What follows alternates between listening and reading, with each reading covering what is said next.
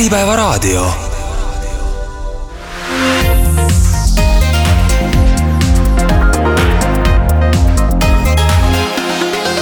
investor Toomase tund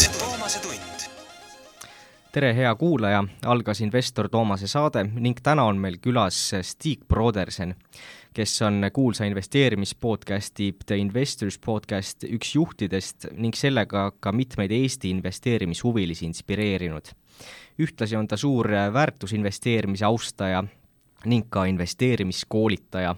hariduselt on ta ise õppinud äriökonoomikat ja finantse. Hi, Stig! Hi, great to be here. Thank you for coming to the show. Now, Thanks, for the listeners who are not familiar familiar with your own story, could you walk us through your uh, maybe investing history, how you got interested in in it, and uh, what what led you to uh, investing in the first place? Yeah, so you know it's it's kind of interesting whenever you look back and you try to see all the twists and turns to where you got to be today. Um, so I come with a finance background, uh, but really the stock market and how to invest in stocks, uh, they're typically not what you would talk most about whenever you're a student. Like you would sometimes do it like to your friends, but the very academic way of looking at stock investing is, you know, it's asset class based. So it's like how many percent in your portfolio would be in stocks and how much would be in bonds. So it's very very generic, and typically you would be you would not feel that you would have um, like the abilities to pick stocks. So it was really not on my radar, even with that sort of background. Um, so and and I came into uh, to trading afterwards, and um, sometimes people would would um, would use trading and investing interchangeable. Um, I'd say they're they're very different. So um, whenever we talk about uh, trading, you know, it's typically you would buy something and then you might sell it after like a few minutes, uh, which was kind of like my uh, my starting point. Um, and I know uh, with with where the interview is probably going to go, that's not what we're going to talk about. But I just want to use that, have that as a precursor to uh, to where this all led to. Uh, but really, uh, what happened was that I, I got interested in uh, Warren Buffett and I got interested in, in value investing. Um, and, and really, what that is, and just to give a, a brief introduction to that, is you, you are trying to figure out what is the, what is the true value of, of any security that you're really looking at. So that was, that was kind of like the first steps uh, into investing. And um, and I guess whenever you have that, you also realize that finding that finite, true value of anything, uh, it's always uh, always very very difficult. So it's been a long journey going to that point. And uh, before we get into the uh, finding true value part, uh, could you, how do you assess the um, investing environment in Denmark, where you mostly grew up? You know, it's uh, it's it's kind of interesting to look at equities market. If we talk about equities market first, um, and you look at all the developed markets uh, across the globe, uh, I think Denmark is the most expensive, or if it's not the second most expensive market in the world right now. So uh, the, some people would probably say it's a very good environment because stocks have been rallying for quite some time. Um, but as an entry point right now, uh, the Danish stock market is very, very expensive to go into. And um, like from the people side, is uh, how is the like financial literacy? Because here in Estonia we have like 1.3 million people, but only from those maybe uh, 20, 30,000 invest. How is it uh, with that in Denmark? You know, in, in many ways, I think it's similar. Um, it's it is a it is a very time consuming process to go through whenever you start to value stocks. Um, and I think that discourages quite a few people. So whenever most people are investing in Denmark, they will be using a fund, a mutual fund, uh, in some shape or form due to different reasons. Uh, ETFs and index funds are not as popular because uh, we don't have the same incentive to do that in Denmark. But it would typically not be individual stock picks. It would more be like, I would like to be exposed to stocks and we don't really talk about whether or not it's, it's priced at a reasonable multiple or anything like that. It's more, I'm young and, and I can take more risks, so I should be in stocks. Um, it's never it's never really going into like the specific picks. Like why is this pick potentially good? What's the potential upside? What's the potential downside? And what do you think? How do you think about it? Um, picking stocks versus uh, buying an index. I definitely think that buying an index is the best solution for ninety eight percent of all investors, and it also it also depends on how you characterize yourself and how and how honest you are to yourself, I guess. Because if if you are trying to beat the market, uh, which most stock pickers are one way or the other, it's just it's very very hard, um, and it's very time consuming. So if you have a nine to five job, which which most of us have, it's hard to put in the hours to get that extra, call it one or two percent of your portfolio, and it might not really be worth your time, especially if you don't find that uh, interesting. So unless you're really into stocks and bonds for that matter, and really would like to um, to grow your knowledge because it's exciting, I think index uh, investing, as as you say, uh, it's definitely the preferred choice. And now, when we look at the macro picture of uh, of the economy right now, the global debt is at record levels. Uh, it's said that the quality of this of the debt is worse overall than than before. Uh, the central banks don't have as much draw, dry powder as before Lehman. The yield curve maybe is inverting. We'll see. We'll but see. Uh, also ECB uh, cutting out its uh, QE from the end of the year. Uh, how do you uh, look at the investing environment right now when we think about the next uh, few years? You know, it's uh, it's a tough question. Um, I don't think it's a good investing environment. But if you ask me the same question back in 2015, I would say the same thing. And what has happened to stocks? I mean, they rallied more or less ever since. Uh, so the long-term trend is definitely a bull market. But stocks are across the board uh, for for multiple reasons. They are uh, expensive right now, and but they were also expensive three years ago. Now they're just even more expensive. Uh, you know, we see the rates. We see that uh, as, as as you talked about with the central banks, like they don't have as much to give to the market anymore. Uh, like they can't provide the same liquidity in the markets. If you look at something like uh, the Fed uh, in the states, you know, they have doing four to five x on the balance sheet in terms of the debt. You talk about QE, so we're taking out around 70 to 80 billion euros every month, like slowly out of the out of the market now, and it's it's hard to just assume that nothing would really happen. Um, so so I think it's challenging. I also think that if we do see a recession coming one in, in one shape or form, whether it's it's purely financial, whether it's the economy that's that's that's tanking, I think one way or the other you will still see central banks then go in and try to uh, manipulate the markets, although it might not be it might not be to the same magnitude. At least the effect of what they can do won't be as effectful as they've been in the past. Has that view also affected your own portfolio? Yeah, I, I think it has to some extent. Um, and, and here I primarily talk about what kind of exposure do you want to have.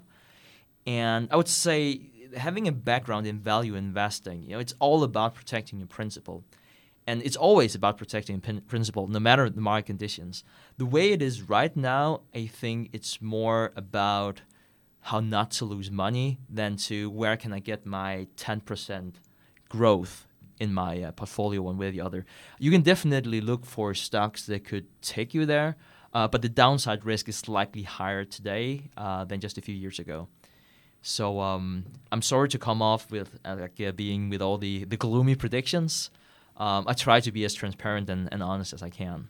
And uh, how have you um, protected your own portfolio against the downside risk?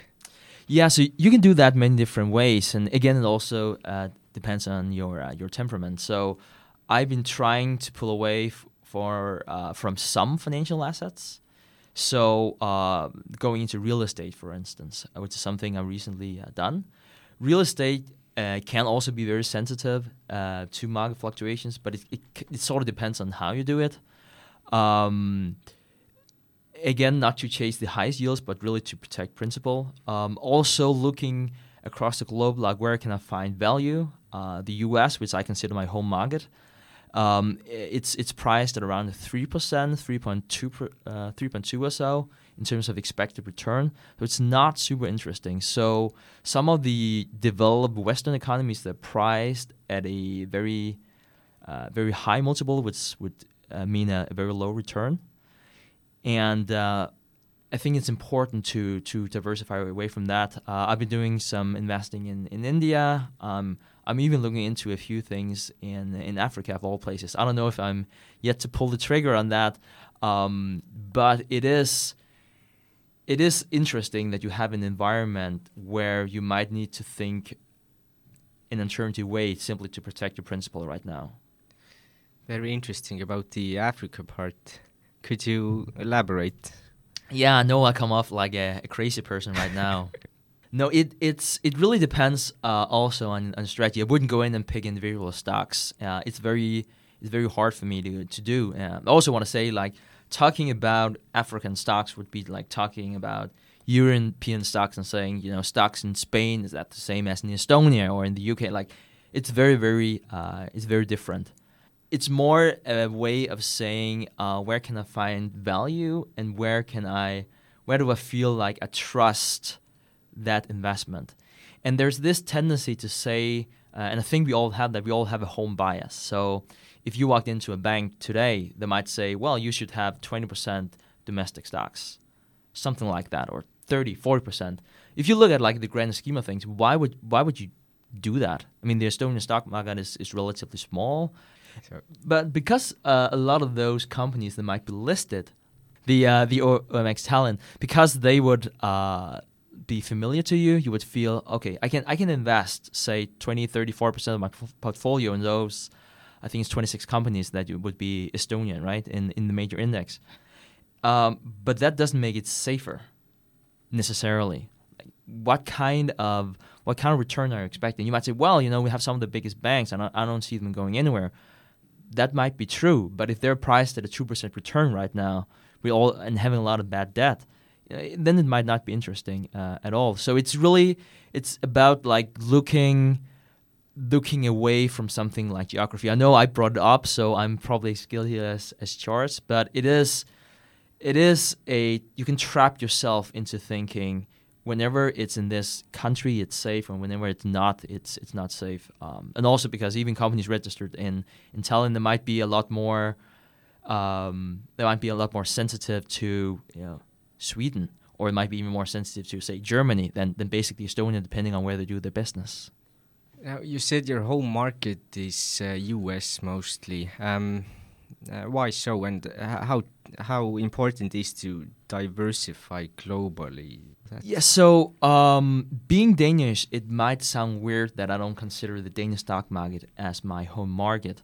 Uh, for me, it's it's more about accessibility, like information. Where can I get the bo- uh, the best information? And whenever you're picking individual stocks um, or an index for that matter, you need to compare to to somewhere else. Like, why would I go to to Denmark and get less than three percent buying an index?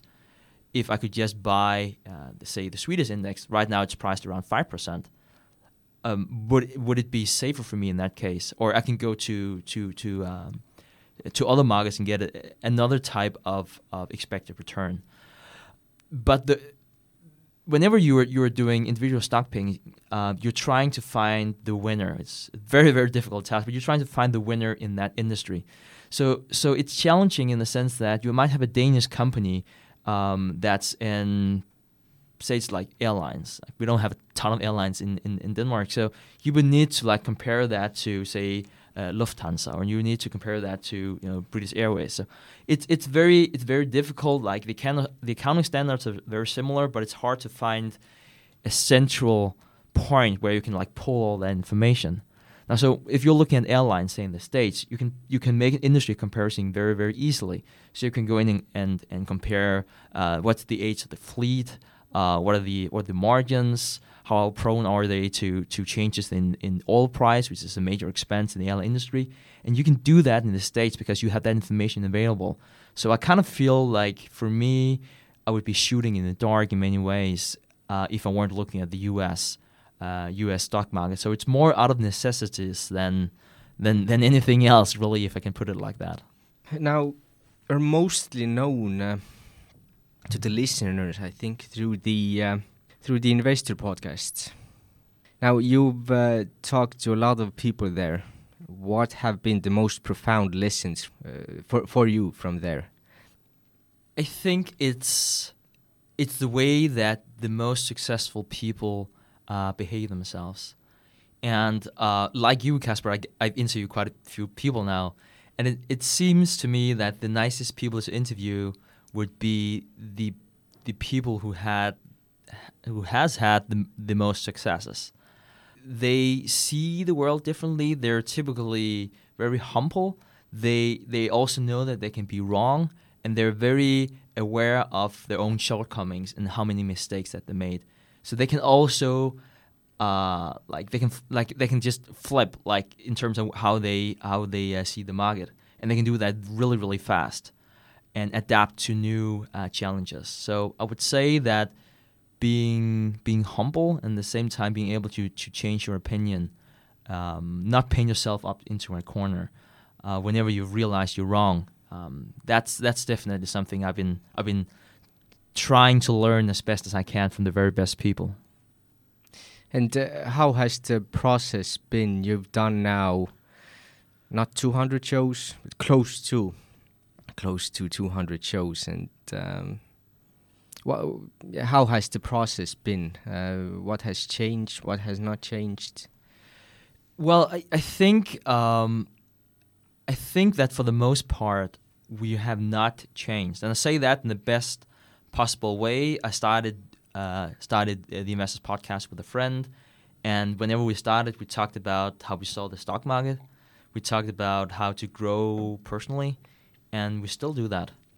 Now we have more listeners now than when we started, but it's still it's still driven by that eagerness to learn and improve yourself, and I, I think that's that's really the uh, the takeaway from starting up a uh, a company like that, and and and why it's so much fun to do.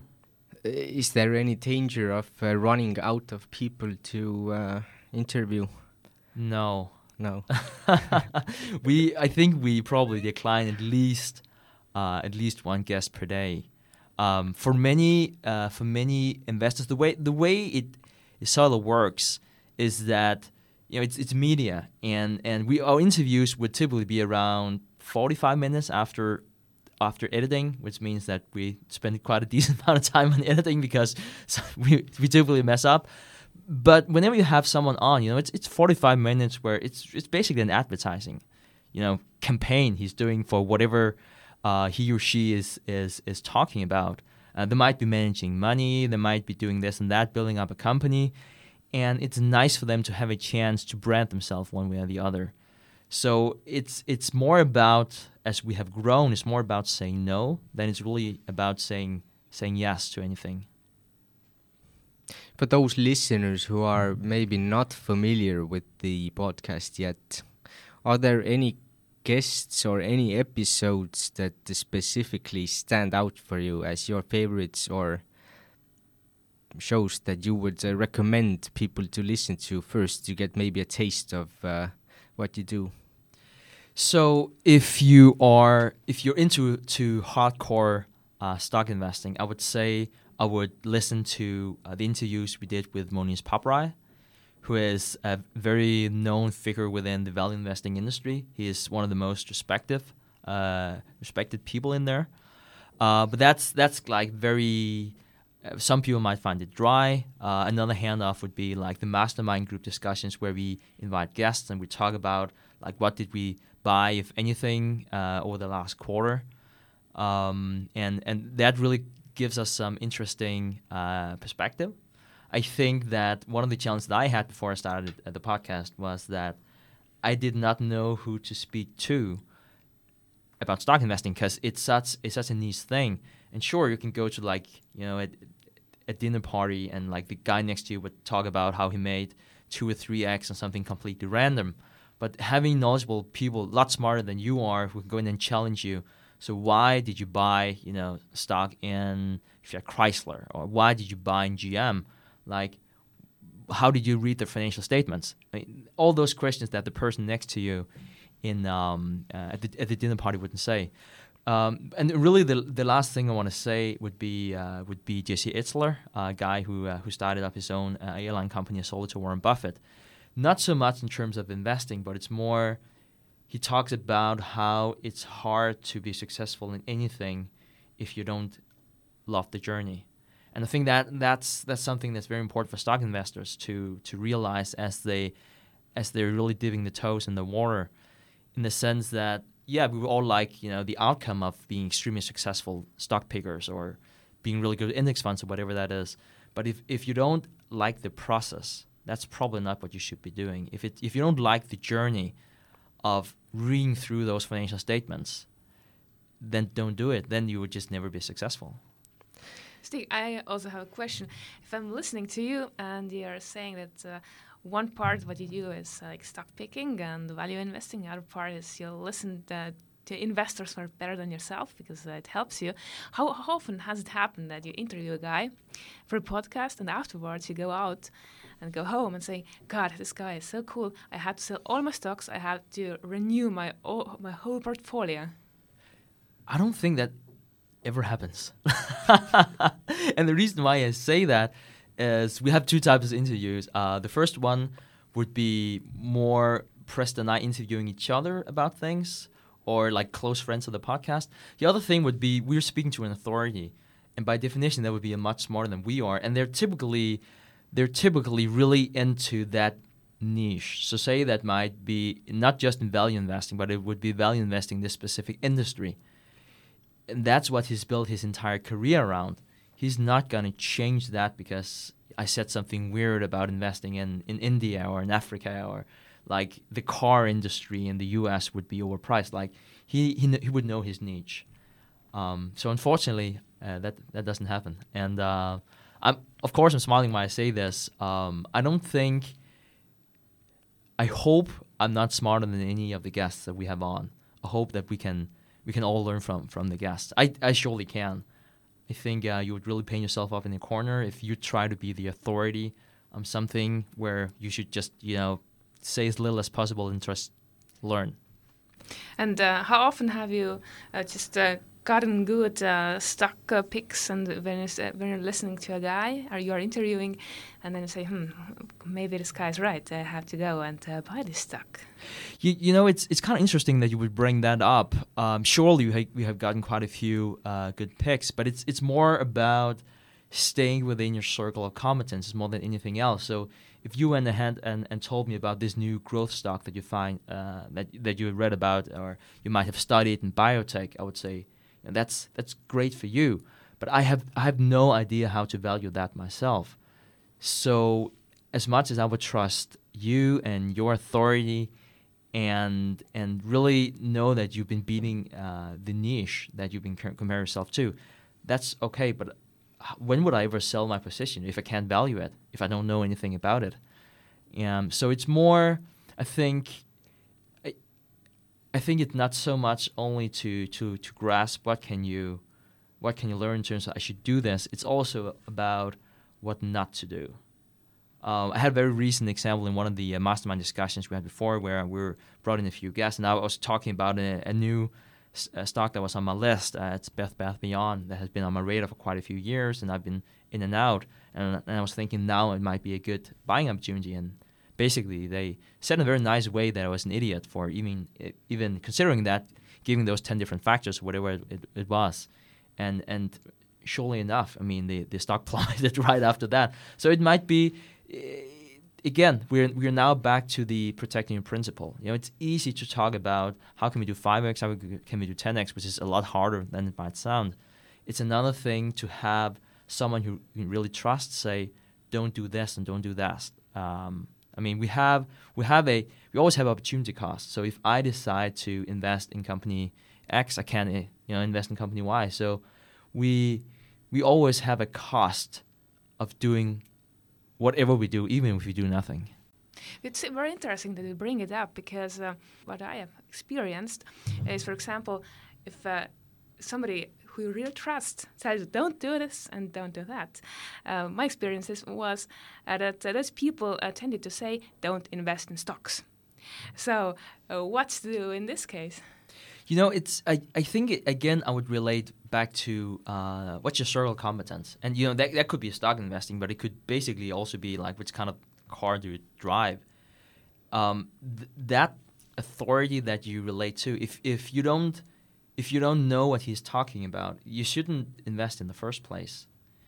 And I, I think I think whenever you talk about mistakes, if we should uh, continue uh, talking about that, I think perhaps the the biggest mistake is not knowing what what you're doing, and if the input you're getting from a uh, someone you interview or like s- someone your peers, if if they know what they're talking about and, and you don't, yes, you should listen.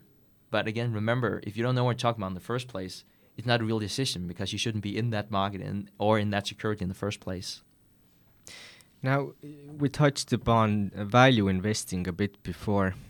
Now, correct me what I'm about to say, but uh, when we think of value investing, when we look at the indexes that uh, say that they're value indexes, what what come to mind mostly are um, older companies. They're mature. They're not uh, growing as fast anymore, and uh, maybe a bit boring too. What what do you think about uh, that assessment? I think you're right. I think it's it is boring, and I, I also want to say the more boring the better. I think one of the one of the biggest pitfalls is for people to um, to always do your estimate uh, your estimates on different securities based on this is w- what we will hope will happen in the future. What value investors would say would rather be what if nothing happens? Like what is what if nothing happens at all? You know, no growth. We have a very stable business. We have a very strong competitive advantage, but we're not really growing too much. If you can find a good stock uh, at a good multiple, is typically what uh, value investors talking about, then that's all you need. And if you if you just if you think about it, isn't it better that if there is no growth, you will still make a very decent profit than hoping that if you continue to see double digit growth, that's whenever it's just your break even point, right? So if you look at some of the, the valuations that you will see outside of value investing, um, it, it would it would truly require companies to grow, you know, 10, 15, 20% per year, which is typically not what's going to happen in the long run uh, anyway. Um, but you are right. I mean, value investing is is boring. Uh, it, it couldn't be you couldn't find anything as boring as that. I mean, it's like watching paint dry, and uh, if you don't enjoy that process, um, it's it's probably not for you. It's definitely not uh, as interesting as some of the growth picks you can you can you can do. Uh, in uh, Berkshire's portfolio, we find Apple, although we can't say it's uh, it, it, it's not growing as fast as uh, Amazon or or Facebook, but but still. And uh, a couple of weeks ago, there was news that Buffett was trying to uh, invest into Uber. Are there some uh, growth companies that still might qualify into the uh, value profile? You know, it's um, I I really like that question because uh, as I know, I've been I am probably guilty whenever whenever I, I I keep saying value and then I say growth. Uh, I mean, it it's not so much black and white. Whenever you estimate the intrinsic value of say a stock, basically is is you would in that process also include a growth rate. So growth is a part of value investing. Now, as a value investor, you would be very uh, skeptical in terms of including high growth rates, especially when it comes to earnings, but also top line for that matter. So I would say yes, you can definitely take some of the good elements from growth investing, uh, but uh, you should probably be cautious uh, with um, including high growth rates. And whenever I say that, whenever you mention something like Apple, you know, Apple is, uh, in my opinion, is a value. Uh, it's a value pick. Uh, right now, it's probably priced around seven, seven and a half percent return. Um, Warren Buffett also bought it at a cheaper price originally. Uh, but but the problem for someone like Warren Buffett, who who has an impressive track record, is that he has too much money. Like he's sitting on more than hundred billion dollars in cash. He just built a forty billion um, forty billion dollar position in, in Apple, and it's kind of like where can he find a reasonable return when you have that much money? He can't go in and find, uh, you know, one billion dollar companies, and then buy ten percent of that. He would completely destroy the market for that stock, and it would really, really wouldn't make any difference in his portfolio anyway. So he's he's very limited in the sense that only uh, he can only buy into very small niche of the uh, of the universe of stocks. Hey, how do you think of uh, Berkshire as of as of now? Um, do you own it yourself? Uh, Yes, I do. It's the it's the biggest holding in my uh, portfolio right now. Um, uh, Berkshire has been uh, definitely been good to me and to many other people. Uh, I think I think it's priced uh, reasonable right now. It's it's trading at 1.3 to book value, and uh, it seems it seems reasonable right now. So if we talk specifically about Berkshire, we have to keep in mind that the market cap for Berkshire would, uh, is around 460 billion at the moment. The stock portfolio uh, of his would be just short of 200 billion dollars right now. So he still has a lot that's outside of the realm of, of stock investing. Um, so if his stock portfolio is also inflated, uh, so will the uh, the book value uh, that, that that you're really looking at. Um, I think it's an interesting pick right now. Um, Buffett's also kind of like say he has a floor to the stock price. He says that he will go in from 1.2 uh, book value and repurchase yes if he can't find anything better out there. Um, so it's hard to see that if we would see a recession, it would it would uh, completely tank. It probably will short term with with any other asset, but if you look at this at historically, uh, hardcore value picks, something like Berkshire Hathaway, uh, would typically do well uh, during a recession. Um, plus, I think it would be a good way to say crisis-proof um, your portfolio or maybe other, primarily because he's holding on to so uh, so much cash, and he's holding on to so many uh, short-term bonds that can be applied in the market really really fast if if that is what he would uh, want to do. you just mentioned one of your stocks, um, but uh, what has been your most uh, profitable investment to date? You know, I think what I'll uh, come next will probably uh, surprise you. I would say reading investing books. And the reason why I say that is that's the best way of making 10x on your return. Buy a 10 euro book and study it 10 times over. It easily becomes very anecdotal to talk about, oh, so yes, I bought this stock, you know, three years ago and it has just tripled or 5x or whatever it is. And and people out there would sit and listen and be like, yeah, but I don't know anything about, you know, the airline industry. I, I don't I don't know anything about the car industry. So I can't do that. I can't I can't make good investments. Like it sounds like Stig's doing this all the time. I think the best investment for people to do, and definitely the best investment for me, that is just continue reading, continue learning. Um, if you can do a, a book a week, that would be that would be great.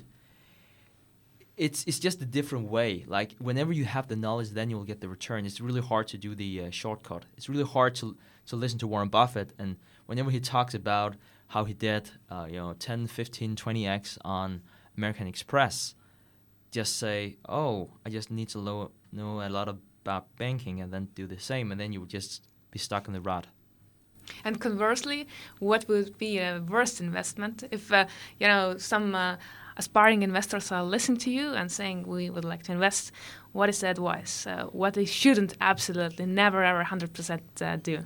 Um, listen to me. That would that would be one that would be one of the first uh, pieces of advice I would give. Um, I would say not knowing what you're investing in, not truly knowing what you're investing in, especially if you do individual stock picks. Uh, one of the first stocks that I uh, really had a high conviction buying would be uh, National Oilwell Varco. Um, it's an oil rig company in the uh, in the states, registered in the states, but they basically have operation all across the world. And I, I went through their financial statements, and it was just it was for me it was perfect. Um, and you know, I kept buying. The price dropped together with the oil price, and I kept on buying. And it was just, I think, at some point in time, it was as much as a quarter of my portfolio. Like I was really, I was so certain that this was, pure gold, and, it was, it was not. And what I realized after I, I took a, a significant loss, I think I took a 40, 50 percent loss on, on that position, was that um, I, I have misinterpreted uh, the oil market. I have misinterpreted how much they had offshore and how much they have uh, onshore in terms of the production and the different price points where it would make sense for producers around the world actually to go in and use the facilities. I've, I've misinterpreted that when, while reading uh, about the business model and while doing my own research. So I think not knowing what you're doing would be uh, would would really be my my best piece of advice. And just like as a as a guiding rule of thumb, I would say I would never put in more than say ten percent in one position, even though that you might be super super serious and confident that this is the best pick ever. Like it's a good thing to be humble and and you could just be wrong. As simple as that. You could just be wrong in your assessment of that specific stock. That's actually the problem with value investing because uh, that's what everybody says. You know, you have to get to know your stock. And you have to do. You have to know what you're doing. The question is, at what point uh, do you know that you really know what you're doing? You don't, and that's the that's really the challenge. For me, it would be the same thing as saying, if you were buying your uh, first or any house for that matter, would you buy that house if you haven't you know you have if you haven't even visited you probably no of, of, course i mean if i'm buying a house i would need to check it out at least once a lot of people go ahead and buy stocks that and they never like read any of the financial statements. They have no clue how much money that the company made last year or the past 10 years or whatever. So so i think it's important to to to consider that. So continuing the metaphor about uh, real estate i think most people who would buy the first house they, or any house i guess they would see at least two, three, five, ten different houses because it's a major decision. W- why is that different with stocks? Why don't we just analyze numerous stocks to come up with what's the best pick? So I think you need to make that uh, comparison, and then to respond to your question about when when do I know that I know enough about you know the market or the, the stock pick it's like any other major buying decision. When do you know that you spend enough time researching for you know new car or a new home? Why can't there be, you know, something better down the road? And typically there is, but you need to base your decision on the information that you have available. And that's a very v- vague response, but it's kind of like the best response I can give because you can't quantify. You can't say whenever you reach 18 or 25 or whatever kind of unit you're talking about, then you know enough. Unfortunately, it doesn't work like that. And even if we did, um, the very next day, something could have changed. So, what are the key points for you that you check through before um, you invest in something? I, I would say, going back to the point about not to lose money. So, what would be a clear red flag of potentially uh, loss of your principal. Something like buying into a company that's indebted, I would say that would be a red flag. Uh, as a rule of thumb, I would like at least five to ten times the coverage ratio, basically meaning that from the operating income of that company, I could pay my interest expenses at least five, but I prefer ten. And again, this this is something that's very different across industries. You know, banks, their way of living is that, so it would be different for banks. But with the interest rates being so low, right now, and with most companies not really hedging interest rate uh, exposure, I think it's something where you know debt can pr- easily you know double or, or triple or at least your interest expense. Plus, then you would need refinancing, and you would just erode your core business. So, so that would be something I would really be be looking into for a company. Uh, anything else besides uh, the balance side? how do you evaluate, uh, let's say, the business itself, uh, its products, or or do you? Yes, if I uh, if I can, uh, definitely will. And then uh, I also want to say that if I have no clue how to do that, I probably shouldn't be invested in that in, uh, in the first place. I would say, wh- what are the industry drivers? If, if you're looking something like, say, the airline industry, you know, one of the main components of the cost structure that would be the, the oil price. So the oil prices would typically be around 15 to 30 percent of operating expenses in the airline industry. So it would be beneficial for you to have at least uh, some sort of grasp of the oil price. Like, what is it? How does it work? It, it's the it's the primary cost, and and what should I really pay attention to? Uh, another driver that you see, again, if we're talking about the airline industry, is that you have a lot of contracts that's uh, running out right now for the own um, cabin uh, personnel. Right now, uh, the older generation, called the 60 plus, they're making 3x of what the youngers are making across the board in in uh, in the airline industry. Whenever those contracts run out, airline industries would be more uh, profitable. So so this was just like a specific example, but it's more what are the industry metrics? It might be oil price, it might be uh, costs for your staff, and then you have another industry. It might be very very different.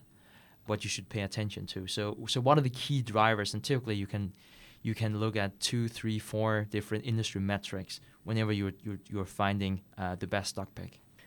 Now, for value investors in this investment cycle, it, it hasn't been the most profitable for, for them. Uh, how do you see it going forward now, whether we say 10 years, 20 years, and generally about the investment space itself? What kind of changes do you think will, will come as we go forward now?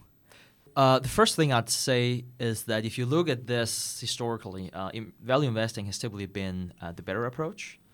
Uh, and I probably shouldn't say typically. It has been a better approach. Like it, it outperforms uh, the the other major investing philosophies. Uh, and whenever we talk about value investing, we talk about standard financial metrics. You know, buying in a lower price to earnings ratio, buying a lower price to book, and and you will see an, an outperformance there. With that said, whenever we have bull markets, value investing does not perform as well as, for instance, uh, growth investing whereas they would prefer, uh, whereas they would perform better whenever there's a bear market. So the best thing would would be to just change your approach whenever you are like at the top of a cycle, and then whenever it's bottomed out, you would change it again. It's very very difficult to do. It's close to being impossible. So what do you do? I think buying solid companies is still the best long term um, thing to do, and going forward, I don't really see that changing. If we will right now, with the way that that uh, equities are priced, it looks like value investing would probably perform better because we will be entering a bear market.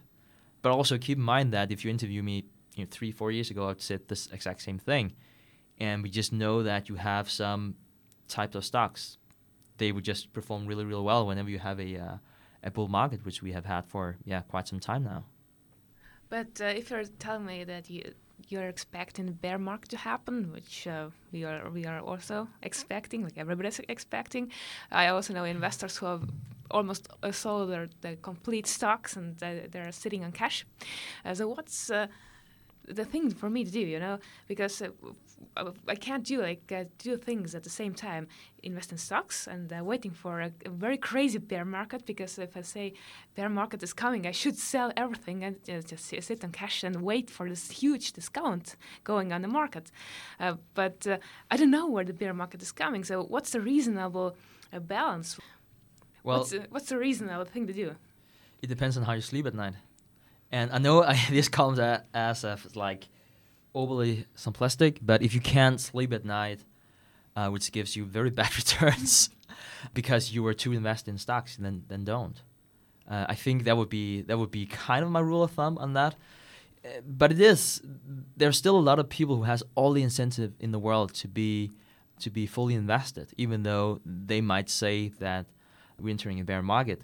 Eight percent of fund managers in the U.S who are, by the way, 100% invested, are saying that the market is overvalued. And you'll be like, so why do you keep reinvesting in the market? Well, the way that, that it works is that as a fund manager, you make two thirds of your, your revenue on fees. And who's going to invest with you if you're just sitting on cash? It might be the best decision for the investor, but why would you pay someone 1% just to sit on cash? You could do that yourself. So they need to be invested. They need to keep the uh, the the party going, and then they they kind of just know and pray and hope that you know whenever it's the last dance that's whenever they would be out. But they have no incentive to do that. I think it's important to note here that the stock market is not made for rational investors. It's made for investors and it's the sum of all those rational and irrational uh, inputs that, that people have. So you can actually be very rational being fully invested in the stock market even though that you might know that's going to drop. Because it's simply the best financial decision for you to to be in, and that's the uh, decision that that many fund managers today have to face. Now, a couple of decades ago, at least, it was um, it was out of the question, kind of like what what do you do after school? You went to the university, you got yourself a stable job. What do you think about it now? Has uh, as the world is changing, what would you uh, suggest to uh, young people? Don't quit your job and start a podcast. That would be that would be the best advice. Uh, and then I would say the, that it's it's sorry the future labor market is going to be very flexible. Uh, you probably also see some of that here that you don't just work 25 years the same place and get your gold watch and then you're you know you clog out. That's that's not how it works. So I, I would say that the most important skill for people to learn would be how to acquire new skills. I was never ta- uh, taught in how to create a podcast, for instance, because whenever I was in school, we didn't have podcasts. So a lot of the you will see that more and more. A lot of the new jobs that have been created, we can't educate people for that because we don't know it exists just yet. So the skill to acquire skills is probably the the most uh, beneficial one to have right now. Uh, I think you will see more and more professional sports team kind of companies, meaning that you would have people on not for as long, but then they will be there for a given period of time. They would be expected to perform really, really well to meet their goals, to meet their targets, and if if not, uh, they would be laid off. You will see more hiring and firing, and and really the the winners in that labor market would be people who can adapt to those changes all the time. Uh, and I think the best way to do that is just to keep educating yourself, keep ed- keep reading, keep learning, because you need to update your skill set all the time. Now, reading is uh, a big part for you too. So, if you could suggest maybe a couple of books that have made a big impact on you, what would those be? Uh, the Intelligent Investor definitely made a, a, huge impact on me. For those of you who are not familiar with it, it's uh, it's a book that Warren Buffett, uh, the most successful investor in the world, it's his professor who um, who wrote that book, and it's about how to look at the stock market. Um, I think that's. Um, I wouldn't say you have to read all of it. It's a very dry book. Uh, Benjamin Graham, the author, has a tendency to use a thousand words whenever he uses a hundred and it was published first in, in 1949. So it's a it's a tough book to go through. Read chapter eight and, and chapter 20 in the, in the book. Uh, I think that would be a really good uh, takeaway. And I think another another book I would like to um, to include here uh, and bring into the mix would be uh, Principles by billionaire Dalio about how to how to live your life according to your own principles. He's talking surprisingly little about how to make money, even though he's been extremely successful but more about how can you how can you, you enjoy the journey? How can you find what's right for you? Um, I think I think that's a good book. Uh, Principles. It's a it's a great book in terms of finding your your path in uh, in life. If you say you are just uh, the most important thing is to enjoy the journey, not uh, necessarily the money. How do you, how do you do you enjoy the journey? How did you find out that you really like doing what you like doing? Well, right now I'm sitting talking to you in Estonia. I mean, how awesome is that? You would never have invited me if I kept on trading commodities like back in the day from a corporate account. It's the lifestyle, I guess. It's the if you don't if you don't enjoy that, you will just it would just be too taxing on you. You just exhaust yourself if you don't enjoy the journey. Say that you want to be a professional musician. That's super cool. But you shouldn't be focusing on how is it to, you know, be there on the stage with 50,000 people screaming your name. That's typically not what's going to happen. That might happen to a few down the road, but it's a lot of sleeping in your car and eating bad food at different bars where you can get 200 bucks for like a gig that night. If you don't enjoy the journey, all of it, if you don't enjoy that, hey, it's great to have a chance to do some media in Estonia because it's it's fun then you probably won't be successful, say, as a podcaster. Then you won't be successful as a rapper if you don't enjoy, like, I wouldn't say you would enjoy sleeping in your car and eat bad, bad food, but if you can't cope with all that comes with the territory in terms of, of, of making a name for yourself in that industry, uh, then you shouldn't be doing it in the first place. And uh, your podcast also inspired, I'm not sure if, if the first, or at least one of the first investing podcasts also in Estonia was directly thanks to your podcast. So Wow, uh, I'm honored. I didn't know that. Thank you for, for mentioning that. Uh, so Stig, thank you so much for coming here. It was a pleasure. Likewise. It Thank was insightful, so uh, ja head kuulajad uh,, teiega kohtume uuesti nädala pärast, mil on äh, eetris äh, järgmine investor Toomase saade, kõike head!